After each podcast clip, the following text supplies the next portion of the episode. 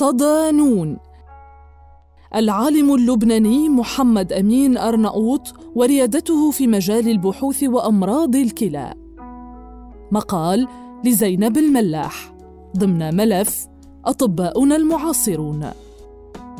حكايتنا اليوم عن عالم لبناني تخصص في علاج أمراض الكلى ونبغ في البحوث والاكتشافات التي أسهمت بشكل مباشر في تطور الطب وساعدت في فهم الأمراض بشكل أوضح وبالتالي إيجاد طرق تشخيص وعلاج لم تكن مطروقة سابقا حديثنا عن رحلة العالم والطبيب العالمي الدكتور محمد أمين أرناؤوط في البحث والاكتشاف.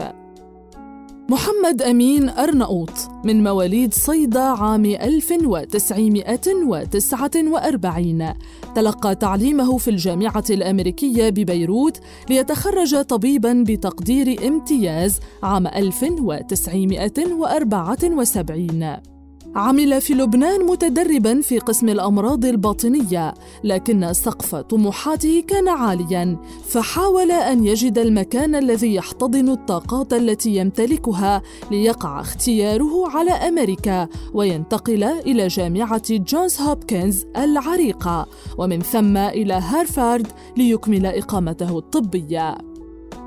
بعد ذلك حصل الدكتور محمد على زمالتين في أمراض الكلى وعلم المناعة إحداها من مستشفى بوسطن للأطفال والثانية من مستشفى بريغهام اندومن ولم يتوقف حب العلم لدى الدكتور أرناؤوط عند هذا الحد بل حصل على البورد الأمريكي في اختصاص أمراض الكلى والطب الباطني. بهذا الثقل الأكاديمي أصبح رئيس قسم أمراض الكلى في مستشفى ماساتشوستس العام من 1998 حتى 2013 وأستاذ الطب في كلية الطب بجامعة هارفارد.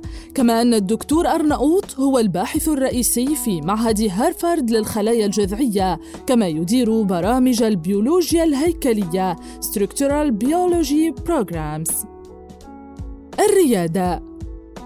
وصفت الأبحاث التي أجراها الدكتور أرناؤوط بالإنجازات المدهشة التي ستغير وجه العلم في هذا المجال بحسب مجلة ساينس فقد تركزت أبحاثه حول الانتجرينات integrins. أي بروتينات تلعب دورا أساسيا في ارتباط الخلايا ببعضها ونقل الإيعازات بين الخلايا عند حدوث أي خلل في تكوينها الجيني أو طريقة عملها يؤدي إلى حدوث أمراض مختلفة منها السرطان.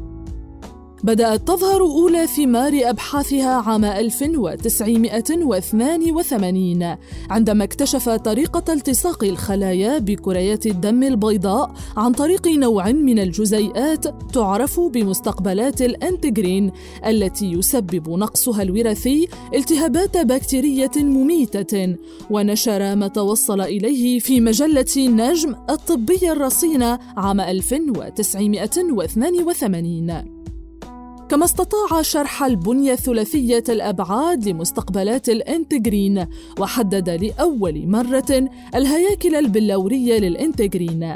هذا الاكتشاف العلمي الكبير تعود منفعته في فهم كيف يحافظ الجسم على أعضائه وكيف ينمو الورم الخبيث وفهم تفاصيل الإصابة بالأمراض الحادة والمزمنة واعتلال المناعة.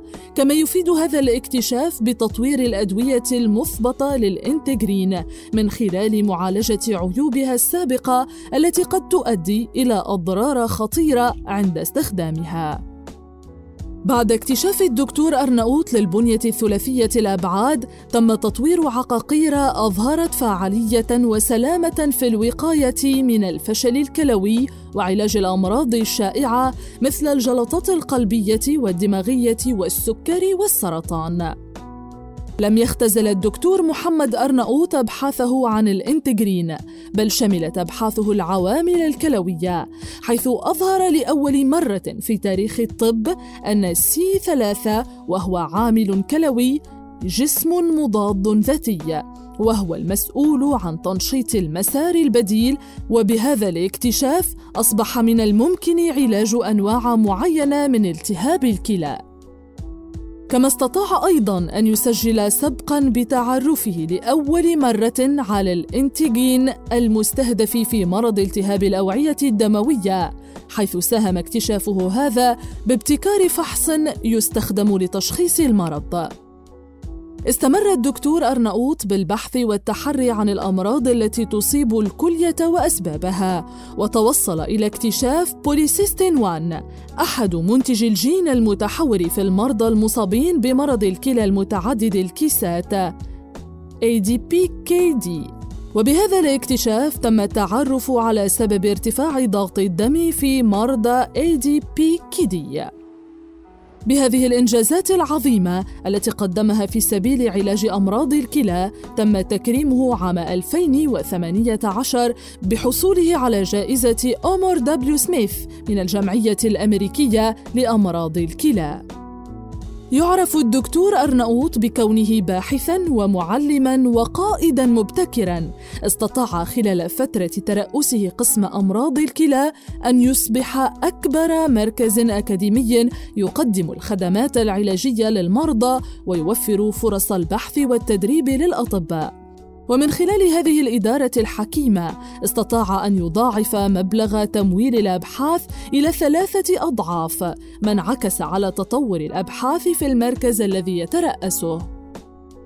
من خلال هذه المسيرة الطويلة بالعطاء والتفوق ونشره للعديد من الأبحاث الرصينة شغل العديد من المناصب منها رئيس لجنة العلوم في الجمعية الأمريكية لأمراض الكلى وعضوية مجلس الجمعية الدولية لأمراض الكلى وعضوية قسم الدراسات في المعاهد الوطنية للصحة NIH حصل على العديد من الجوائز تثمينا لجهوده في مجال الطب منها جائزة NIH Young Investigator Award و ISN دونالد سيلدن وجائزة الكويت للعلوم عام 2017 والميدالية الرئاسية للشرف Presidential Medal for Excellence Award. وما زال الدكتور محمد أمين أرناؤوط مستمرا في كتابة أسطر حكايته الملهمة للكثيرين حتى يومنا هذا.